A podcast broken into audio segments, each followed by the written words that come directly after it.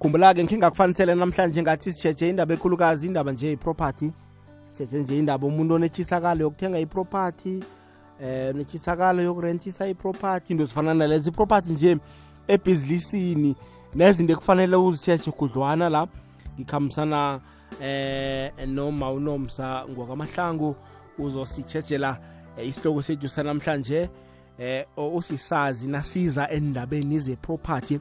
Sike saba naye phambilini saphatha okhunye namhlanje sithe akhe sinabanabise indaba yethu sirakele phambili ngokhunye godi kulo mkhakha ngombana mkhudlwanyana. Lotshani sesinomsa abantu nindlela niyavuka? Sivuka kuhle sivuka kini. Ah siyathokoza sesinomsa. Ya siphethe indaba ye-property namhlanje sesinomsa. I-property ikhulu begodu yinabile begodu-ke umuntu lokhu nakathatha isiqundo sokuthenga iproperty. Ayathetha isiqundo esikhulu ngoba uyozibophelela ngekontraga yombopha iminyaka emachumi amabili yoke tomu. Kutho khona bona kufanele athathe isiqundo eh asizwisisako naye angazifaki ngedakeni sesinomsa.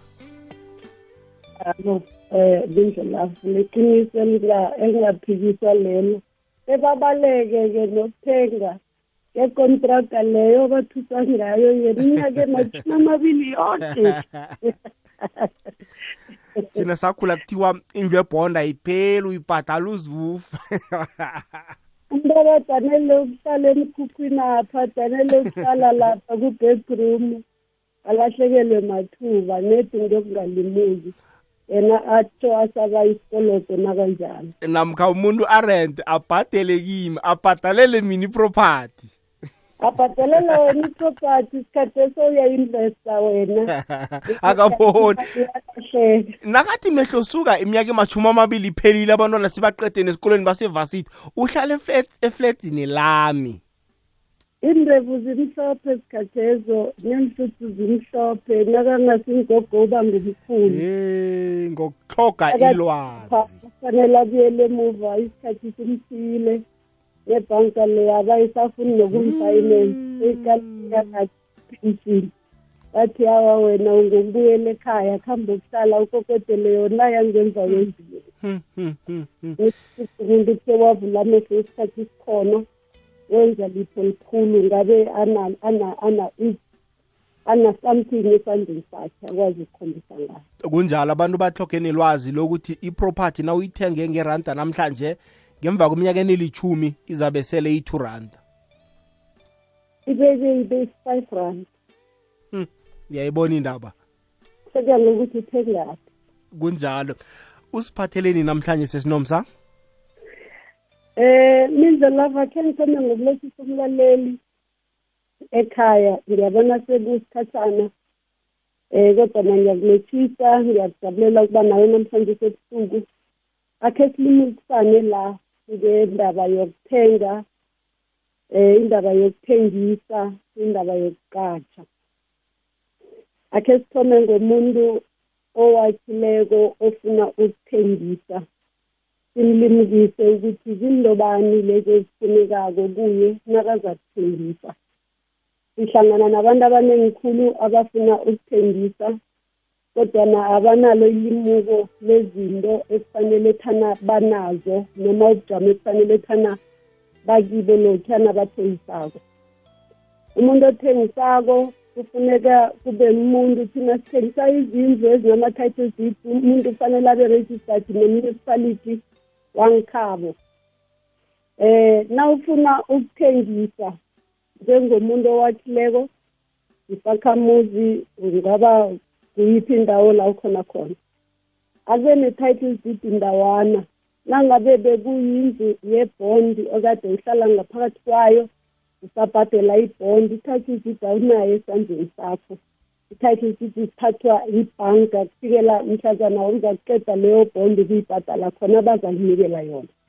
Yeke azibona wena usabhadala i-title deed isebhenki bese ubhadele ama-rates and taxes wakho ama-services laya kamasipala laya abantu bekhethu bayakuthanda ukuwabalekela kodwana afika ababambe yena ababamba kabuhlungu lokhuyana abacabanga ukuthi nabathengisako bazokwenza imali uthole enye imali seyidliwa ama-rate taxes lawo abahleli iminyaka bangayibhadali. Nakho lapho uyabuza ukuthi bahleli njani iminyaka eminingi kangaka bangayibhadali um bangabhadali ama-services ngoba umasipala naye kufanele asebenze. Um bazongisebenzisisa-ke bakwamasipala ngoba nabo mberego wabo lowo kufanele bawenze. Abantu nabangabhadeliko kufanele babathumele amaletha amaletha of demand babariminde babanikele iinkoloto zabo. Abantu bakwazi ukuba layebile ukubhadela ama-expenses wabo ngesikhathi. Ngaphambi kokuba kufike isikhathi sokuthi umuntu selafuna ukuthengisa lapho imali yakhe seyizadliwa khona yimali eningi leyo ayikoleda kwamasipala. Into leyo ibaluleke kukhulu sihlangene nayo emahlandla ebantwini bekhethu. Enye into eh ukuthi kunama kunama kunama cancellation figures wama-bond nangabe ubhadela i-bond umuntu angakhasa athi mina indlu le ngiyithengile nge-three hundred thousand namhlanje ngiyithengisa ngo-six hundred thousand. So acabange ukuthi njengoba yena ayithenga three hundred thousand ebhankeni usele ne-two hundred thousand i-four hundred thousand yonke izokuzesikhwameni sakhe alibale ma-tax ma-rates and taxes lawo engikhuluma ngawo alibale ukuthi usabhadela ibond ibond leya ukuze ikhanselwe lebhenki kunama-cancellation figures azowabhadela. Kunama-compliance certificates afunekako afunekwa eh afuneka emntwini othengisako njengama-electrical certificate nakune-electrical fence kufuneka i-electrical fence certificate. Nangabe umuntu upheka ngehasi uchubhele ngehasi kufuneka i-gas certificate. Ngempumalanga ngapho kuvamile ukuthi kufuneka ama-sluma certificate angafunekiko khulu ngapha nge-gauteng. Mara enye nenye i-transaction yangapho and zonke ingezo zibetha phezu kwakasela usela fanele abe namaphepha akungiwo ngiwo azofanele akwazi ukukhipha zotelentificate ama-building plan fanele abe in place ama-compliance certificate abe in place nawo. Eh nabakwakhelako bakunikele occupational certificate nabangakhenge bakunikele yona kufanele ibe khona kwamasipala. Wonke lawo maphepha abalulekile. Omunye kade aqeda ukuyibhadala indlu wakhe unayo i-title deed. Mara amaphepha asakhamba yalahleka ngekhaya. I-title deed yalahleka iya-aplayelwa kabutsha e-dis office. And nayi-aplayelwako inama-cost azokudla phezu komuntu ethengisako lezo zizinto umuntu kufanele thana uyazazi abe awengazo zisuka nakathi uyathengisa.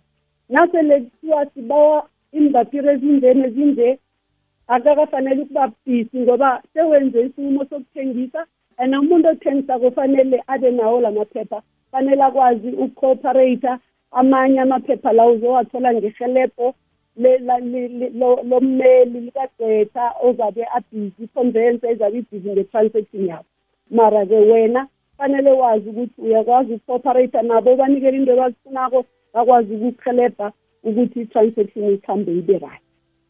Mumuntu othengisako-ke lo kuba khona-ke eh sesinomsa bengibawa siyokuthengisa nasibuya la sizokuragela phambili ngokwekhabo lakhona.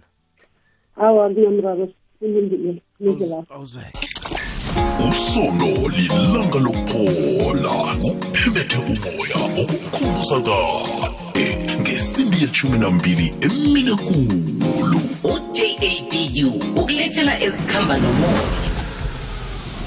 Ihliziyo ibuthakathaka iyafisa ilangazelele.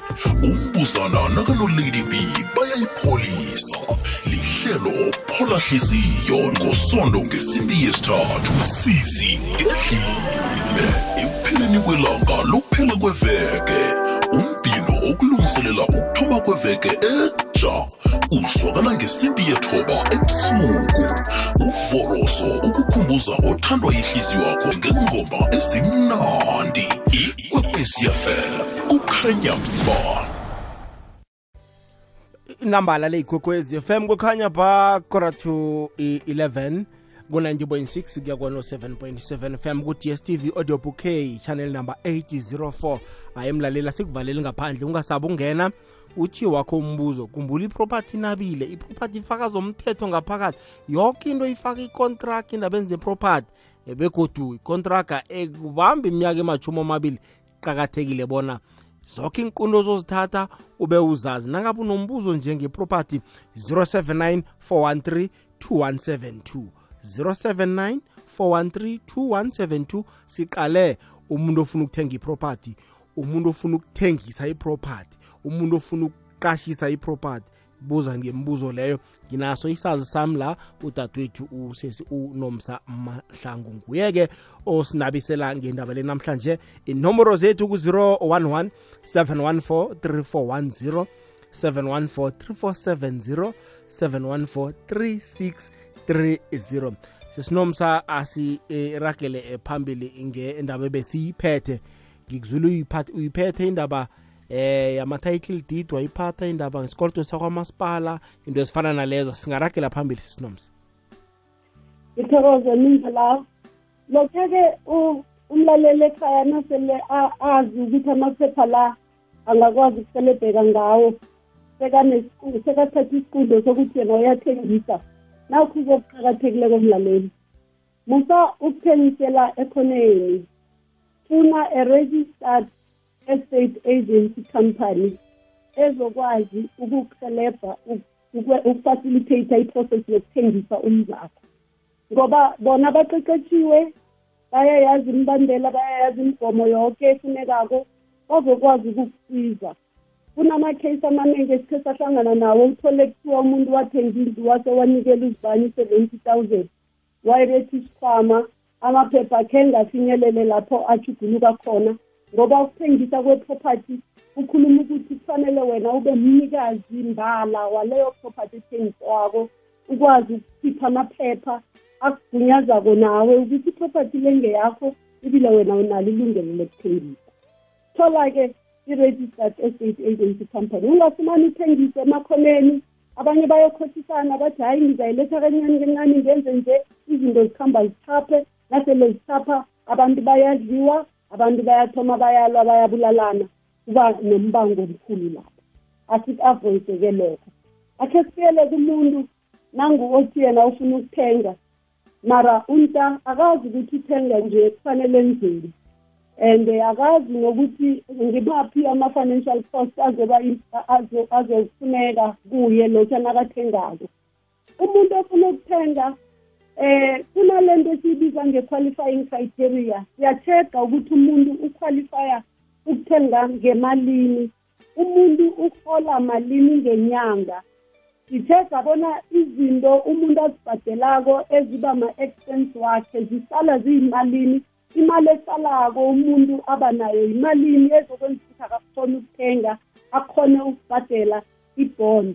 Ikontraka leyo twenty years othome wakhuluma ngayo leya iphisa abantu leya yi-bond transaction and ibhadelwa unyaka eyi-twenty ingadlulela ku-thirty depending on i-request yakabhaya kuye nangokuthi umuntu i-credibility yakhe ikhamba njani.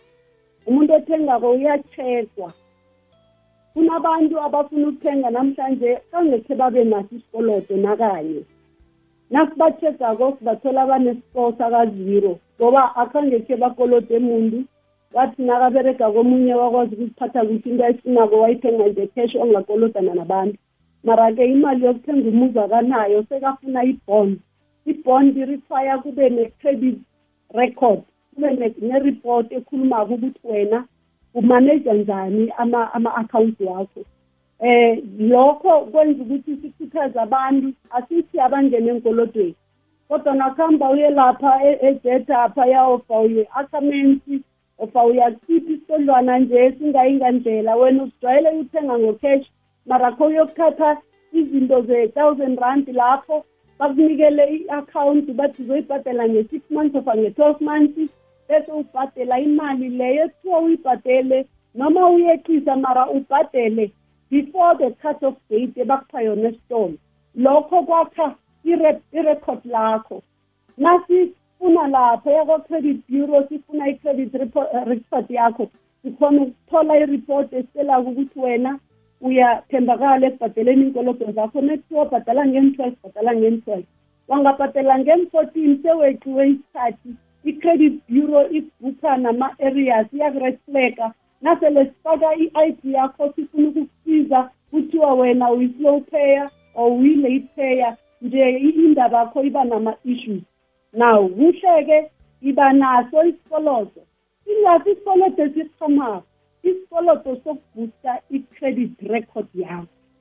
Bese-ke ube aware nangokuthi nawuthenga i-property kunama-cost ekufanele abhadelwe nguwe njengomuntu othengako ibhanka ilindele ukuthi wena ube nemali yokubhadela ama-transfer fee ube nemali yokubhadela ama-bond fee. Imali leyo ayi-edwa phakathi kwendlu yebond kwemali yebond leyo sisibawela yona ebhankeni ngoba ibhanka ifuna wena unayo esikhwameni sakho. Yamkhuthaza kumlalela ekhaya nakaseplanini yokuthenga. Aje upuruja ubekabeke ungayidli yoke. Ilahlele lapha ekhulwaneni khulakhule imali le. Kwesinye isikhathi ubungayithatha wenza i-high deposit ezokwenza ukuthi ungasabhadeli imali eningi ubulala ama-interest amaningi lawo ibhanki ekade ingakutshaja wona.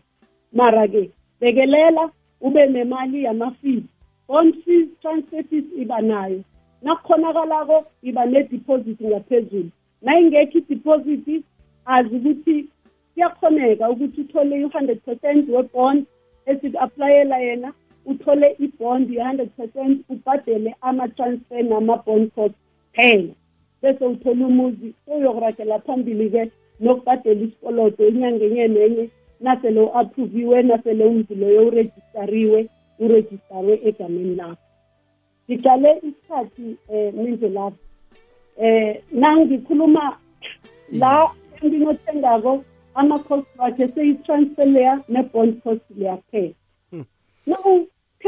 nawuthenga umuzi ofa une-property ndawana ufuna ukuyichachisa eh kunama-cost aphakathi komuntu ochathileko nomuntu ochathisileyo advice ukuthi abantu abafuna ukuchathisa aba-employe ama-registered estate agencies abazokwazi uku-administara ama-lease agreements wabo nalaba bantu bamanage abantu ababachathisako.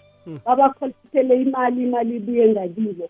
Lokho siyaku-advyisa ngoba kuba khona izinto eziningi ezivukako ama-estate agencies akwazi ukujamela ukudlula lokhu wena okade ungakwenzako ngoba abantu bayayithatha i-advantage ebantwini. Na uchachisileko i-maintenance yonke yomuzi loyo ofa ye-property leyo iba ngeyakho. Nasele kungeniswa i-tenant phakathi emzini loyo kuyathegwa ukuthi umzi lo unjani. Kwenziwa i-inspection i-tenant inikelwa umuzi i-condition enje. Wakho lawo ama-expense wakhavarile kodwa right nangumuntu uyangena. Naselangena ngendlini akho kunezinto esimbalela zona ukuthi la wamotsha kulungisa wena nala wamotsha kulungisa wena. Akhona ama-responsibilities womnikazi wendlu noma uchachile nje mara okunje nokunje kwamotshwa nguwe kubhadelwa nguwe. Umnikazi endlu naye kufanele azi ukuthi njengoba ngichathisile nje kamare nginayo i-estate agency company kukhona ama-cost we-maintenance akuzokufanele ukuthi adle esifameni sami njengomnikazi wendlu. Lokho nasikwaziko soke hawa impilo iyakwazi ukuraga iye phambili. Now ekukhuthazeni abantu ngokufuna ukuthengisa nanyana ukufuna ukuthenga. Kunabantu abangakuboni ukubaluleka kokuthenga iproperty. Umuntu une-property ekhaya ufola imali eningi uzidrayivela bovurpa uphila kamnandi. Unabantwana abantwana bayakhula. Kusasa abantwana bazokunyukela ngepitorapha of abanyukele ngejohannesburg of kuphi abanye bayokufunda uthanakhe wathenga umuzi ngapho kwaba yi-investment. Abantwana nasele bakhulile kufanele bangene kuma-tertiary bangayokuchatha ngoba nawuchathileko torho mvanje i-residential esinayo ye-student ibachelor encazana mani ikamurwana isikhamba kubo-three point five. Now eminyakeni e, e, elandelako imali leyo izoba imalini nathi sibe uyithengile wayichatshisa ngalesi sikhathi abantwana basakhula ofa wena uyithenge ngengqondo kufuna uku-investa uragele phambili njalo. Nakwenzeka ufuna ukuyisebenzisa at the later stage uyakwazi ukuyisebenzisa. Nasele ubona kwangasuthi ayisakusebenzeli sowufuna ukuragela phambili uyakwazi ukuyithengisa. Yoke imali leyo kade uyibhadela lapho uyakwazi ukuyithola rehe esisameni sakho sekunokuthi ukhambe uyokuthatha ngifuna ukukhuthaza abozakhethwa abaningi abavela ngekhaya ababereka ngepitori ababereka ngejohannesburg bayahola bahola kuhle. Muthi ukukarekela ukuthatha to akhe uthenge lakho. Nakuyi-flat nyana encane ithenga yakho ithenge ibe ngeyakho. Nangabe i-stand alone namhlanje ama-qualification criteria wethu are very high. Njengoba ama-interest rates angakajami isikhundla sinye nje i-affordability iba nzima. Ebantwini. Na ukwazi ukuthola noma kuyi-two bedroom incane so long kathiwe uyayiqualifyela sa-check-a ukuthi i-price yakhona iku-market uh, range then you can buy leyo property. Uzayikhulisa ngesikhathi sakho uzakuhlala kiyo iyi-two bedroom njalo kuzokuya ngokuthi iplani yakho yini. Kodwa into ofanele uyazi ukuthi uma uyithengile kwi-property ayidepreciate not unless uyi-vandalize i-property nawupendako u-eda i-value. Nawufaka ivrandi u-eda i-value imali ye-property iyakhula. Nawufake imali yakho kwi-property ethize oyithengako noma uyayirentisa noma wenzani you are investing the right way. Namhlanje amabhanka akasenawo inzalo mbuyelo ehle.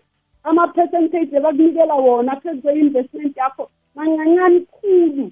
Kodwa nalokhana ukwazi ukuthenga iproperty ye-five hundred thousand akhe uqala i-five hundred thousand na uyibeke ngebhanka ubone ukuthi kunikela malini ngenyanga la iyakwazi ukuthi na uthenge nge-five hundred thousand depending ukuthi uthenga ngebond noma uthenga nge-cash. Na uthenge nge-cash wenze kuhle imali leyo iyaphindaphinda ibuyela kuwe tres urentisa iproperty ye-five hundred thousand you can rent it out ngo-six thousand. Six thousand five depending ukuthi iproperty injani yikulu kangangani. Imali leyo iba yinzalo iba i-return on your investment iba i-return ehle sekunalokhu i-thirty-five hundred thousand wayifake ebhankeni ebhankeni apha yabanjingile benjini into imali zethu? Mara thina sifuna ukucabanga sisebenzise imali zethu ukwakha wethu umnotho. Sithi ngcono nayihlele ebhankeni uye ngikucele mntwana ekhaya imali akho ingcono khulu unayithenge ifraha lempina wabuya wayokuthenga nelinye wathi nasele ulungile wajamisa indlepulu laphaya. Sekunokuthi uyithathe uyifake lapha ebhankeni ebhankeni aphaya ulingeka kaningi ungena msinyana uyithindide msinya ube ngibhuti madlisa yathi ngiyambona uminzo love um sekangubhuti madlisa ngapha imali iyathaphuzela. Kanti khona uyibekaphi empineni aphaya kasana bathi seloko ndabanda wathi awunandu njani? Ujamisa indlukazi enkulu uyazi ukuthi bowuinvesta kuphi? Isipine sana sihleli laphaya asiboli mara ebhankeni kunama-bank charges. Benza lo mbuyelo leyo. Ibidliwa ndiwo ama-bank charges layo gcina ungasayiboni nokuthi ishinga kuphi. Angazi noma sengithatheke khulu ngiyadlula. Angisakuzwa wena minzo lapho asikhulume ya iyazwakala sesinomsa sikulalele la. Ubeka amaphuzu aqakathekileko sesinomsa. Uthola umuntu une-profession ethize. Wakhile ngikhaya le iye kodwana uqachile ngepitora umuntu asebenze 30 years aqachile ngepitora kungathana uthatha imali leyo abekaqatshe ngayo athenge nanoma kuyi eh, kuyi-one bedroom flat. Elizamsiza mhlazana ayokurithaya abuyele ekhaya limgenerethele imali namkha abantu abakhe balisebenzise nabaya esikolweni. Injani? iyabetha lapho abantu bekhethu kwaba nekolelo yokuthi ibhondi heyi wazifaka ebhondini angeke usaphuma 20 years kanti i-20 years leyo msi uyakhona ukuyenza ukuthi ibe yi-10 years ngokubhadala eh more. Esikolodweni sakho. Yes ubhadele extra. Nangabe ibhanka beyikhuphe mhlawumbe u-interest rate aka-nine percent namhlanje ku-nine percent. Wena ubhadala extra uginya woke ama-interest laya udinga neperiod ka-twenty years leya. You can make it fifteen years you can make it ten years. Depending ukuthi ugcine kangangani isikhwameni Hmm. kakakateleleki sengitsho noma uthenga ikoloyi ukuthi nakuthiwa bhadela three thousand ubhadele three thousand ikhisiba imali khona esikhwameni kahlahlele oyilahlelako iberegela wena. And nama-options we-finance ayahluka tofana ebhankeni um nawuthatha imali le uyilahlela ngapha ngesikhwameni sebond kune-flexibility bond okwazi ukuthi na ufaka imali yakho kiyo namhlazana uphatharekile ufuna imali ungazi uzayitholaphi uyakwazi ukubuyela ebhenki ukuthi lapha e-akhawuntini nami yebond ngalahlela kunemali engaka e- e- ekhona. I-flexible leyo i- ikhona you can get it anytime. Wakwazi uyokwenza into zakho wabuya waragela phambili. Kunama-fixed rate. Nawungafuni njenganje abantu bayalila ama-interest rates ayaphasi ayaphezulu. Nakayaphezulu akhinyabeza umnotho akhinyabeza iinkhwama zabantu. Abantu bazithola sebabhadela imali eningi uyakwazi ukushaya i-fixed rate. Mina njengonomsa amahlangu ngifuna ukubhadela five thousand period sedusethi ibhondako so ibhanka nayizokudidaktha kimi ididaktha i-five thousand. Enye le engifuna ukuzibethela yona ngase ngizibethele yona mina ngiyayibeka mara yona nayididakthayo ithola i-five thousand.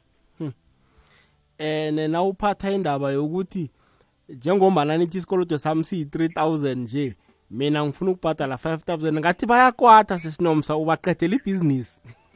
Akunabani fanele nawe uhlakaniphe nawe usebhizinisini. Iye awona usebhizinisi awusisebhizinisini lokudliwa iye. Nawe usebhizinisini lokwakha umnotho wakhela abantu abakho umnotho uzakhele wena umnotho nomndeni ekheni kunjalo ngifuna ke sinikele umlaleli ithuba lanaye abuze lokho afuna ukukubuza. Ithokozile mindlela awuzweke khe simuzwe umlaleli ku-079 4132172 iwhatsapp voice note yethu umlaleli kokwezi FM sizwe la? Eh mindlo love lotshani azwandile ukhuluma nobaba uNdule Tsakani Mindlo love njengale emakhaya le itendi sizinikela makhosi sigcine kugcina kumkhukhu ugcine sewakha umuzi. Nakho ke sewufuna ukusuka kiwo lo muzi uyandawana. Wakhile ufakile amaskrimiri wakhile kuhle konke i-title deed ngiyithatha kuphi? Ngoba istand ngasithola ekosini mina.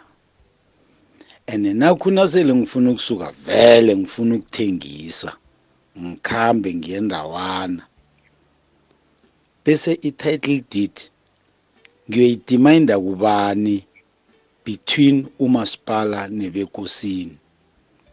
Ngoba mina istand ngasithola kwebekosini. Ngiyathokoza mindlelavo umbuzo wami ngiloyo ngiphelela lapha. Ngubaba untule tsakane okay baba. Bye-bye. Siya- siyathokoza mhlalukwane sesinomsa asimphendule?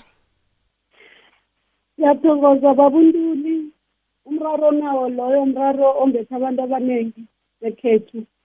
Iintende zivela ekosini ekosini sicasela i-five hundred rand abakunikela isipankana ukuthi isitandi nasingesakho wena uyakuhamba uyokwakha. Uthi ungakha wakhe indlu esithabathaba ufake ama-features a- adurako a-costly ngoba bewakha uhleli uthi wakha ekhaya. Mara kufika isikhathi sokuthi kwenzeke akhe uchide ukuhamba umbuzo wakho ngiwuzwa kuhle na uthi uyoyidimanda kubani i-title deed? I-title deed awuyoyidimanda emntwini.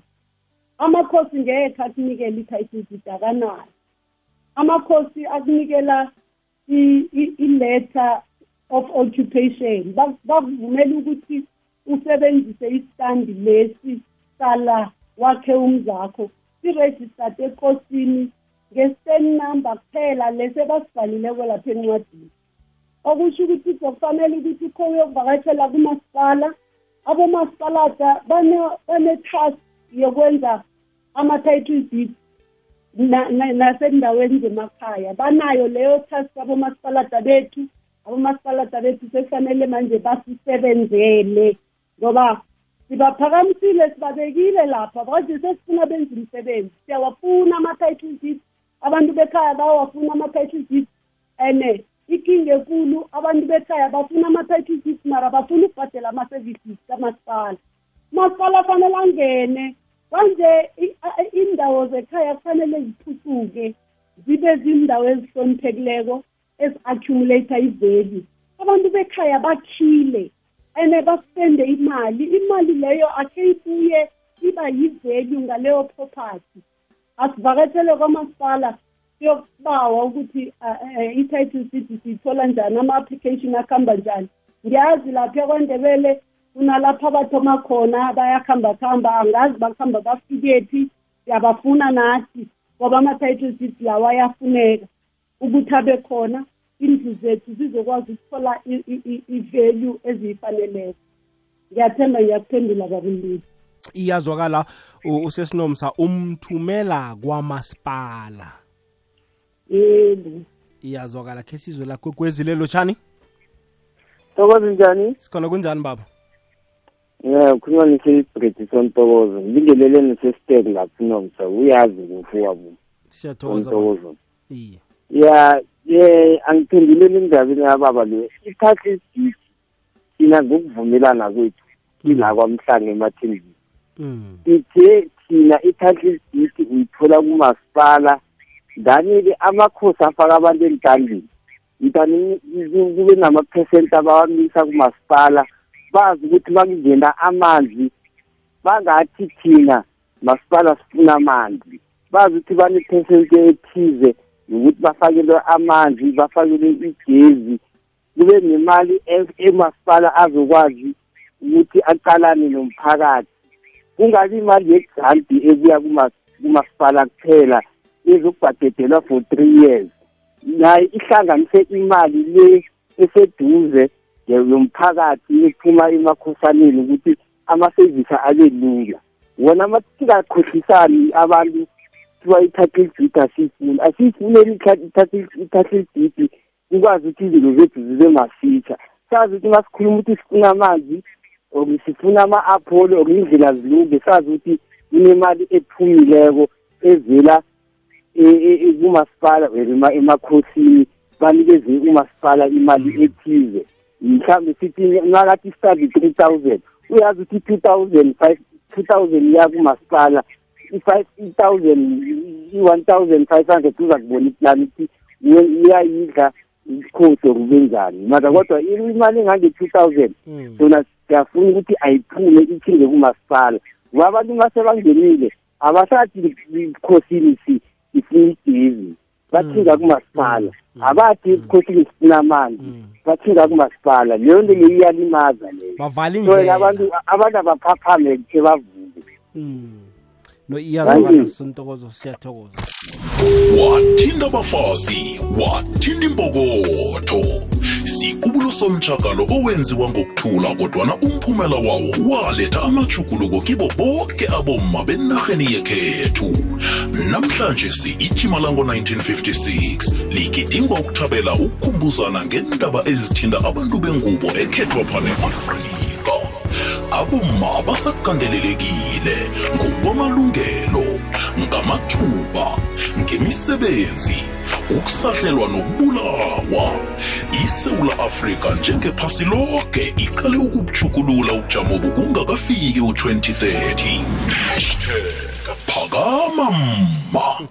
Le ikwekwezi FM kokhanya ba iba uh, bunane ngapha ngemva kwesimbi yechumi nanye sikhambisana nodadewethu la unomsa mahlangu sisazi ngeproperty sikhulumisa indaba eziqakathekileko la sinikela wena ithuba mlaleli kwekwezi FM ke sizwe bona uthini? Ke sizwe la? Eh sithokoze mindo lavo thina sisaba ukubuza ukuthi usesilokhu liqiniso kangangani ukuthi nawuthenga indlu yebond i-five years ubhadala ama-interest wendlu sengakathomi ngokubhadala imali endlu sesinomsa eh ngiyathokoza mlaleli. Khona kuliqiniso ngoba nangabe uphiwe ibond kwathiwa uzokubhadela i-five thousand rand eh ngokuya kwama-calculation we- we- we-bond repayment over 20 years or over 30 years. Ama-interest lawo na ungawacalculator bese u-eda imali eh oyicalculatileko phezu kwale balance or i-purchase price ekuthiwe indlu ithengwa ngayo.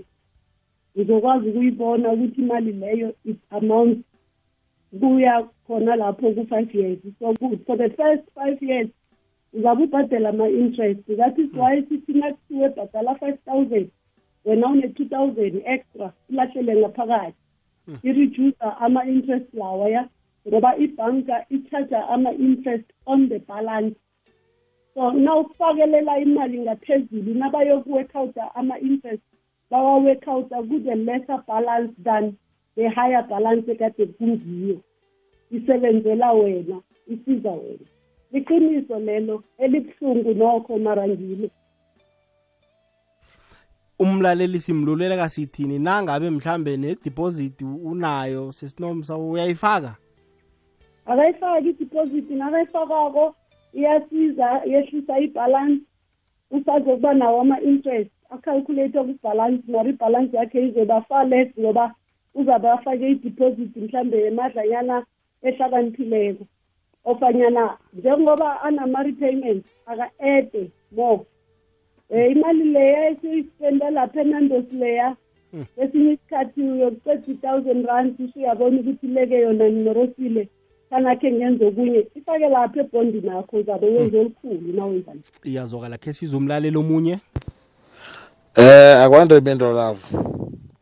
Kuphesi mahlangu eSteve Chwede ne. Mina ngiba ukubuza ke inaga seyizele kangaka bo my friend. Shothi nabo ba registered demented tax bayibhadala nabo comply nento zikamasipala. Ukufaka phakathi nale mizi le la emalokishini uyayibona mos yakhiwe ngama plans. Umuntu asadwebe nje ekhoneni sukumisa ama blockstein amanye bo afaka bo my friend kungabhadalwa nama-tax so umuntu wakhona akayithengisa kwenzakalani lapho? Suke iseplanini into leyo nayo na or kumele isuswe lapho. Into yabo my friend ngoba wenziwa igarashanyana lapha. Phuma omunye ngena omunye. Ne-tax abayibhadali ngiyacabanga. Nemadorobheni na sebakapakapa i-building lapha bayangena nje kuyathengiswa. Ngitshe nabo baregister dements laba nasitokoze ngiphesi mahlanga steve jwet umbuzo nangiwuzwisisa kuhle sesinomsa lokho nangiqhatshise abantu ama-rates and taxes abhadalwa ngimi namkha abhadalwa mqatshi ama-rates and taxes mindlela afanele abhadele mnikazi wendlu umkhathi kufanele abhadele i-consumption okumamanzi eh ama-waste services lawa ya ne-sanitation yinto ebhadelwa yinto eqhatshileko leyo. Mara ama-rates and taxes ngewomnikazi wendlu. Lokho it has more to do ne-property evaluation yakuleyo ndawo e- e- eletha ivalue emnikazini wenu ngabo my friend abe sebahlogwaba bona eyi sinekinga ekulu ngabo. Eh ingasathana umbuso wekhethu uya- uyasiphakamela kuleli hlangothi ngoba uyawuthinyabeza umnotho wethu more especially kwi-property business. Abo my friend abo u- u- uthi wena umchathisile ufaka yena u-my friend uza a- a- arhawula lapha athi angangena ngaphakathi ngendlini ayokuthatha bonke abanye abavela le ekhabo. Zizobathola sebanindeni eminengumbi egrachan nabo um ikinga-ke leyo. Inkinga efanele siyiqalele amehlo kwangasithi namanye ama-estate agencies nama-agencies alaleleko angakho akhuthazeke ukuscreena abo-my friends naba bafake endlini zabantu. Akakhuthazeke athole amaphepha alegit wokuthi abantu aba bafike kuhle la lo uyasebenza nasi-proof of, of, of, of uh, uh, employment yakhe uberega uzokuhola ukubhadela na? Sekunokuthi sesimane sibahlohle ngoba sifuna imali.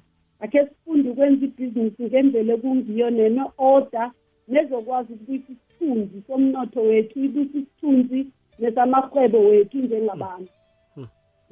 I- iyazwakala sesinomsa. Kanti-ke eh lapha ekontrageni nangiqatshisa umuntu ekontrageni apha ithini? Nawuqatshise mina nginelungelo lokuza nabanye abantu abalichumi kuproperty yakho njengomnikazi? Nangabe kungasi kungana-clause phakathi kwekontraga. Evimbela i-subletting mm. uzobathola bakhona. And ungathola he uqhatshisa umuntu sesinomsa abuye naye uqhatshisa omunye. Sekayi-landlord naye. Enza njalo abo my friend. Uthi u-advertise wena uthi nasi property i-three bedroom nge-seven thousand athi hayi i-three bedroom seven thousand yincane ayithatha gijima akayokuhlala yena. Mm. uyokufuna abo-my friend abavela ngekhabo munye umbhadela five thousand ngaphakathi kwerumu yinye. Mm, mm, mm. wenza ibhizinisi. Imali kulahlela nge-seven thousand ba-overpopulata indlu leyo nakuyi-three bedroom. Akekho eris- othatha i-responsibility ngaphakathi endlini leyo. My friend uyayidemarcata nokuyidemarcata ashaya ama-fisher board ama- ama- ama-board la ibikozela ama-board. Mm. bademarcate indlu le ngaphakathi bayenze i-dining room ngaphuma amakampuro ayibo Mm. um uyabafaka uyabafaka udosa imali. Bereka ngawe. Thina silethe sithatheso ibila sizisejindezika I- iyazwakala sesinomsa khe sizumlalela omunye? Indlolafu siyathokoza ukuthi uphethe ihlelelo kho sibuziseke ukuthi noma singathi iye sokuthola i-title deed asinamanzi asina-electric ekuhamba kuhle. And enye into intrada zethu azikhambi ikoloyi amalanga mangaki. Kelinye ilanga uthola indlela seyinamatshe. Usuka nge- nge-sun city awukhona ukuya ngeveza ubuhle mari istrada siyakhona ukuvelela ngeveza ubuhle singafiki khona. Weca umlambo akunastrada ufuze uyokujika. Namakhansela wakhona noma ungakhuluma nawo alikho ikhansela elingakujamisa lapho. Ubaba pheze yena sekatsheje i-service delivery khudlwana sesinomsa. Uyaphuma phuma esihlokweni sethu. Service delivery leyo ifuna umasipala. Iye. Iyafuna na- na- nakanjani ngoba vele nayo i-affecta ihwebo lethu. Mm, mm, umasipala mutasibini enza umsebenzi wakhe umasipala imali ebhajetiweko kwathiwa lenge yokulungisa indlela ayilungisa indlela engapheleli enkhoneni zabantu. Umasipala abantu ababereka kwamasipala indlela ingabi khona endleleni eyangakwakhe kuphela. Namabone amalayithi lawa ya- usiwathole akuhambe esitradini esisinga emzini kakhansela nasifika lapha enzasapha sekafika akasekho lethu akasebenzele lilungelo lethu sonke lelo lilungelo lethu eh labakha amahwebo asa- asakhasako la- lilungelo lomlaleli asekhaya umlaleli uthenga ikoloyi ikoloyi yakhe imoroseka sosnek akunamndlela ekhaya. Sifuna abantu baphumelele mara siyabagadangela nabafaka ama-speed hump bawafaka ukubona ukuthi leli hampu lifakwe umuntu onehliziyo ebuhlungu ongekethengeni ikoloyi uthi wena ifendileko nawudlula la ukuthi uze umoya. Ngiyakuzwa. Sesinomsa la akhe ngithi ngine-property mina.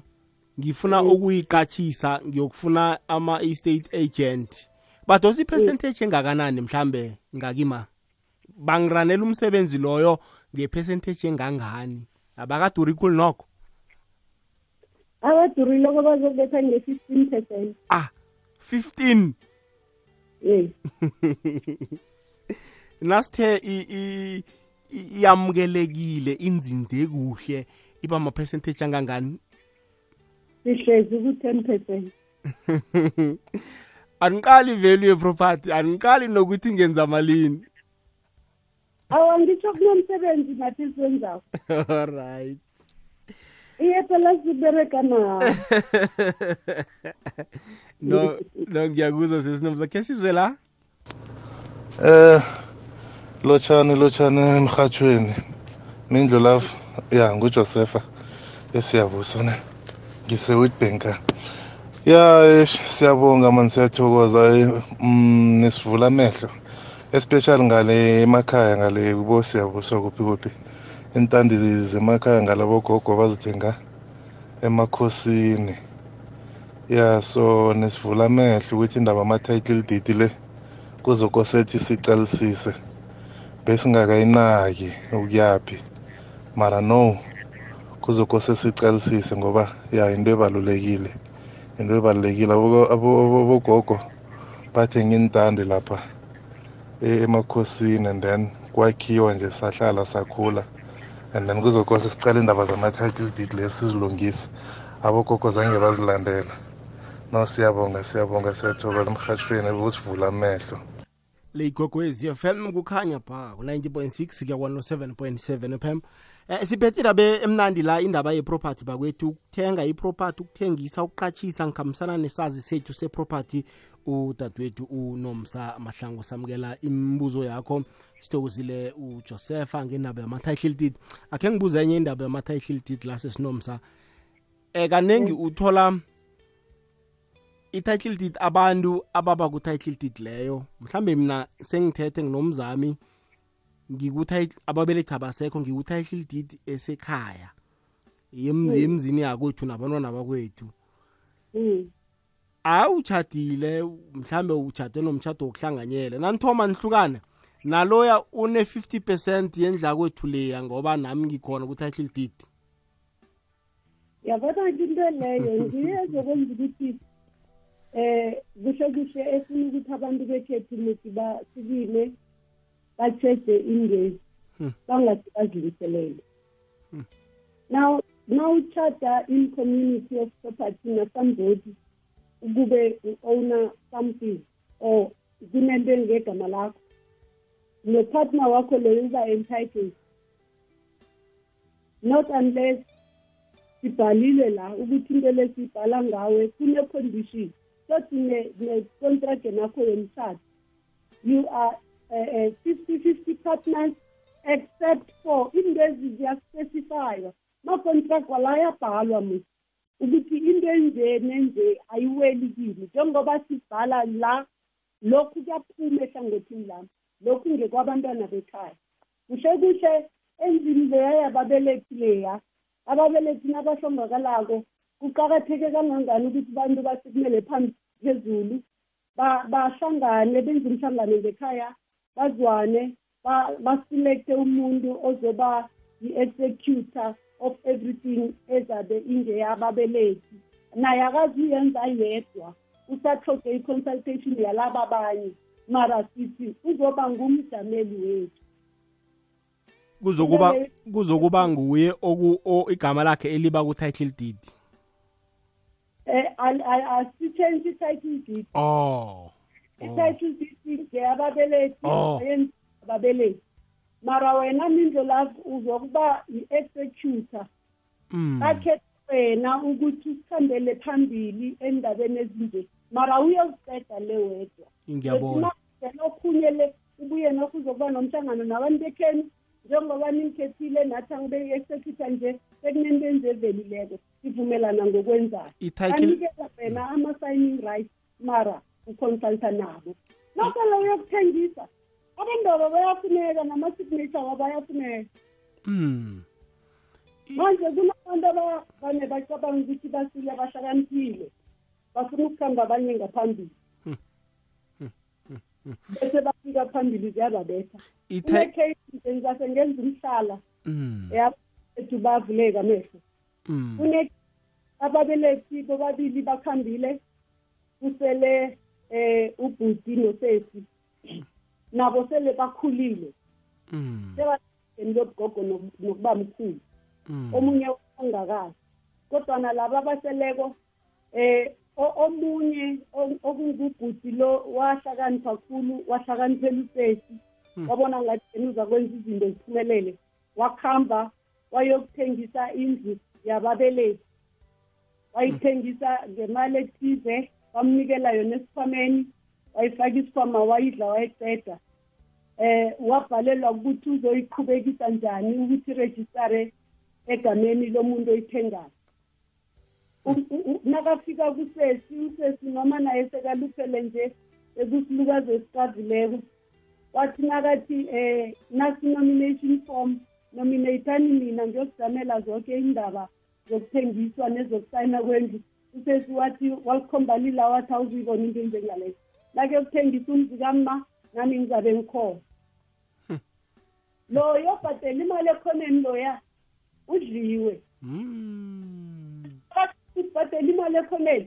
Ah, u- u- u- umalume lo mnikela istandesi nendlu yababelethi into loya wabhuruza indlu leya wazakhela into efunwa nguye mara amaphepha. Soloko athi umalume ngeze athengisa indlu ayedwa. Kufuneka udadewabo bobabili bama-executor akekho zakuthengisa ngaphandle komunye. Ngiyakuzwa sisinomsa eyi ya no ngiyakuzwa. Ngamanye amagama utsho ukuthi nangabe ababelethi sebandlulile ekhaya amagama abo akachugululwa ku-title deed. Kukhethwa i-executor nje kwaphela kodwana i-title deed soloko ingaphasi kwamagama kamufi. Kuba safe nakunjalo. Ngoba mina ngabona enye icase eh umalukazana ugcina adla indlu ekha kwakhe athi ngoba ubaba kwakhe bekanamashere bekane-50 percent ku-title deed. Abantazana abangana odaba senibabaheke so abakabhalwa sesinomsa akhe sizwe la mlalelo okugcina Umasipala- iyakhonakala ukuthi itshentshwe ibizwe ngabantwana bonke yakhonakala lokho. Seyifuna isabiza ngababelethi mm. ngoba nasele ibiza ngo- ngobuntu munye ohlakaniphe khulu ndoda amakhesi lamaningi siwabonile. Hmm.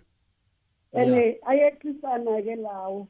Ya ngiyabona akhe s- ozokuphaphama khona thina sithola si-implicated sinikelwa amaphepha umuntu orightfully eh eh onelungelo. lo- lo- lokungathengisa ngenxa yamaphepha awaphetheko. Sithi nasithengisako uze sekuvunduka abantu ekada kube isiwaruwaru esingako fanele siyigcine siyisege khotho indaba leyo ukuthi kwenjena sizokuthengisa nje size njani. Isivumelwano besikuphi? Mapha amaphepha esinikelwe wona. Amaphepha nakasivumako siyaphumelela thina ikhotho ezisithola sinomlando. Into zokuba nomlando nguloyo othengise warawara ofa indlela ebavumelene ngayo so indaba le ye- ye- yama-property le i- i- it's a very complex issue. Ebangela abantu ukuthi ababulalane ngemakhaya. Indaba leyo iqakatheke kakhulu and bangekhethu abantu amandebele mna bakithi ngimndebele. Ngakho ngiyazibawela. Indaba ezinye zaye sizichaye sibone kwangasuthi asizindaba efanele sikhulume ngazo. Yizo-ke esifanele sizikhulumise ke akhe sothi noma isilukazi sasisesekhona sisatotoba nje mm. sifuze ukuthi wena njengesilukazi sekhaya kade ufuna ukuthi kwenzeke njani ngomzakho lo mm. oba khulu ufuna kwenzeke njani ngomzakho lo asibafundise sibakhuthaze nokubhala amawili abantu bekhaya into leyo ibaluleke khulu abozidlanga amandla abaningi hano Mm. Mm. Abantwana basale babanga amafa wababelethi. Ungazi ukuthi koni bangayoziberegela bona. Ya nonja ukuthi abayokuberega soloko bahlalela ukubangana namafa abantu la. Akhe sizumlaleli wokugcina sisinomsa umasipala lapha epitori akasizi abantu. Abantu beze bazenzele badonsa kube khona isinyokanyoka inyokanyoka lezi zigcina zibulala abantwana. Ngendaba yokuthi umasipala sinawo but umasipala akanaki i- i- iy'nsiza zabantu. Abantu benza idrakha bavala iy'ndlela bashisa izimoto kwenzeka iy'nkinga ngendaba kamasipala. Enkonkwezini le ndlu bayidonsayo ama-friend lena kuya ngokuthi abantu bayakha nje ngokuthi umuntu wazi ukwakha akhe indlu noma engenaplan uyakha nje. And le ndlu lezi zakhiwa kanjalo zi endaweni zifelisa indawo. Thola indawo yakhona i- indawo lena ayisahehi ne- nezivakashi. Umna kwethu ukhuluma iphuzu eliqakathekileko la. Uthola eh, sesinomsa eh, e- esabhabha elithize sithengile ama-property wethu si-investile. Hawu Mm. ngemva kwami sekunemkhukhu sekunemkhukhu ongayazi ukuthi ivelaphi. Hmm, hmm. Akamuntu okwazi ukuyiphendulela and imikhukhu leyo i- ihlisa i-value Mm, mm, Yeah. mm. nasenza i- i- i- i- i-evaluation ye-property Hmm.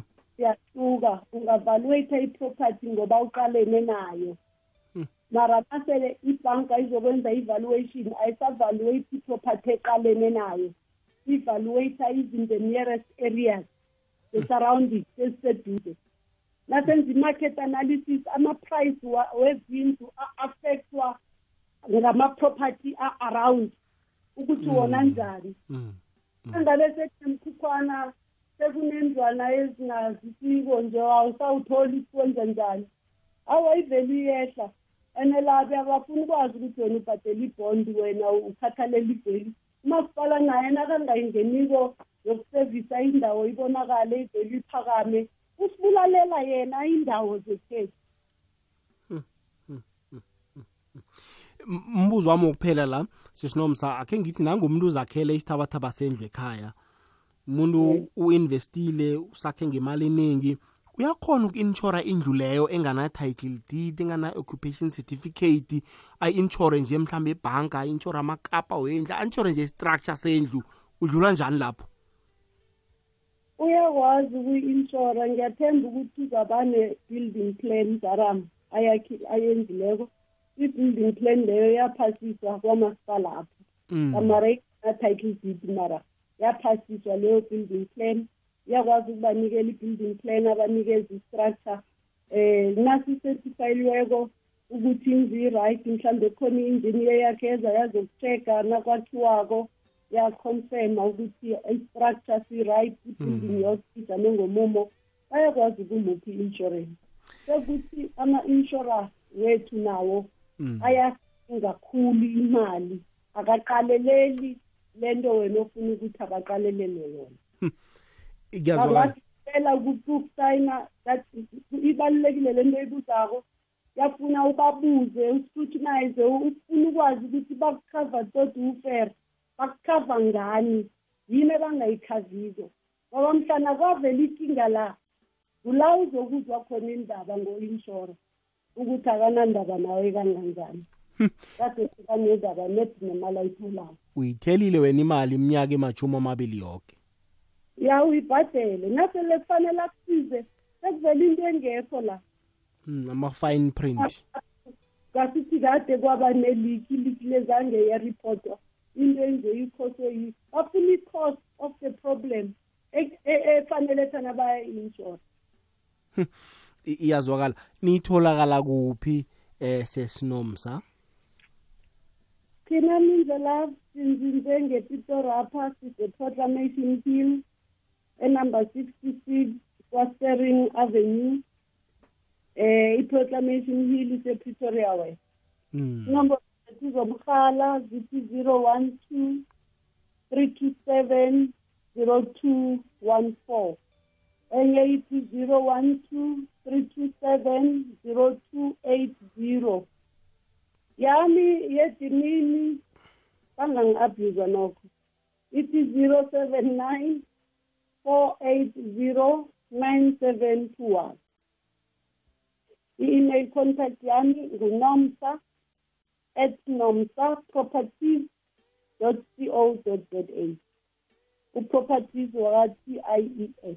Ngiyabona. Akho ngibuyelelele yokuthoma ye eh, landline 01232702 zero two.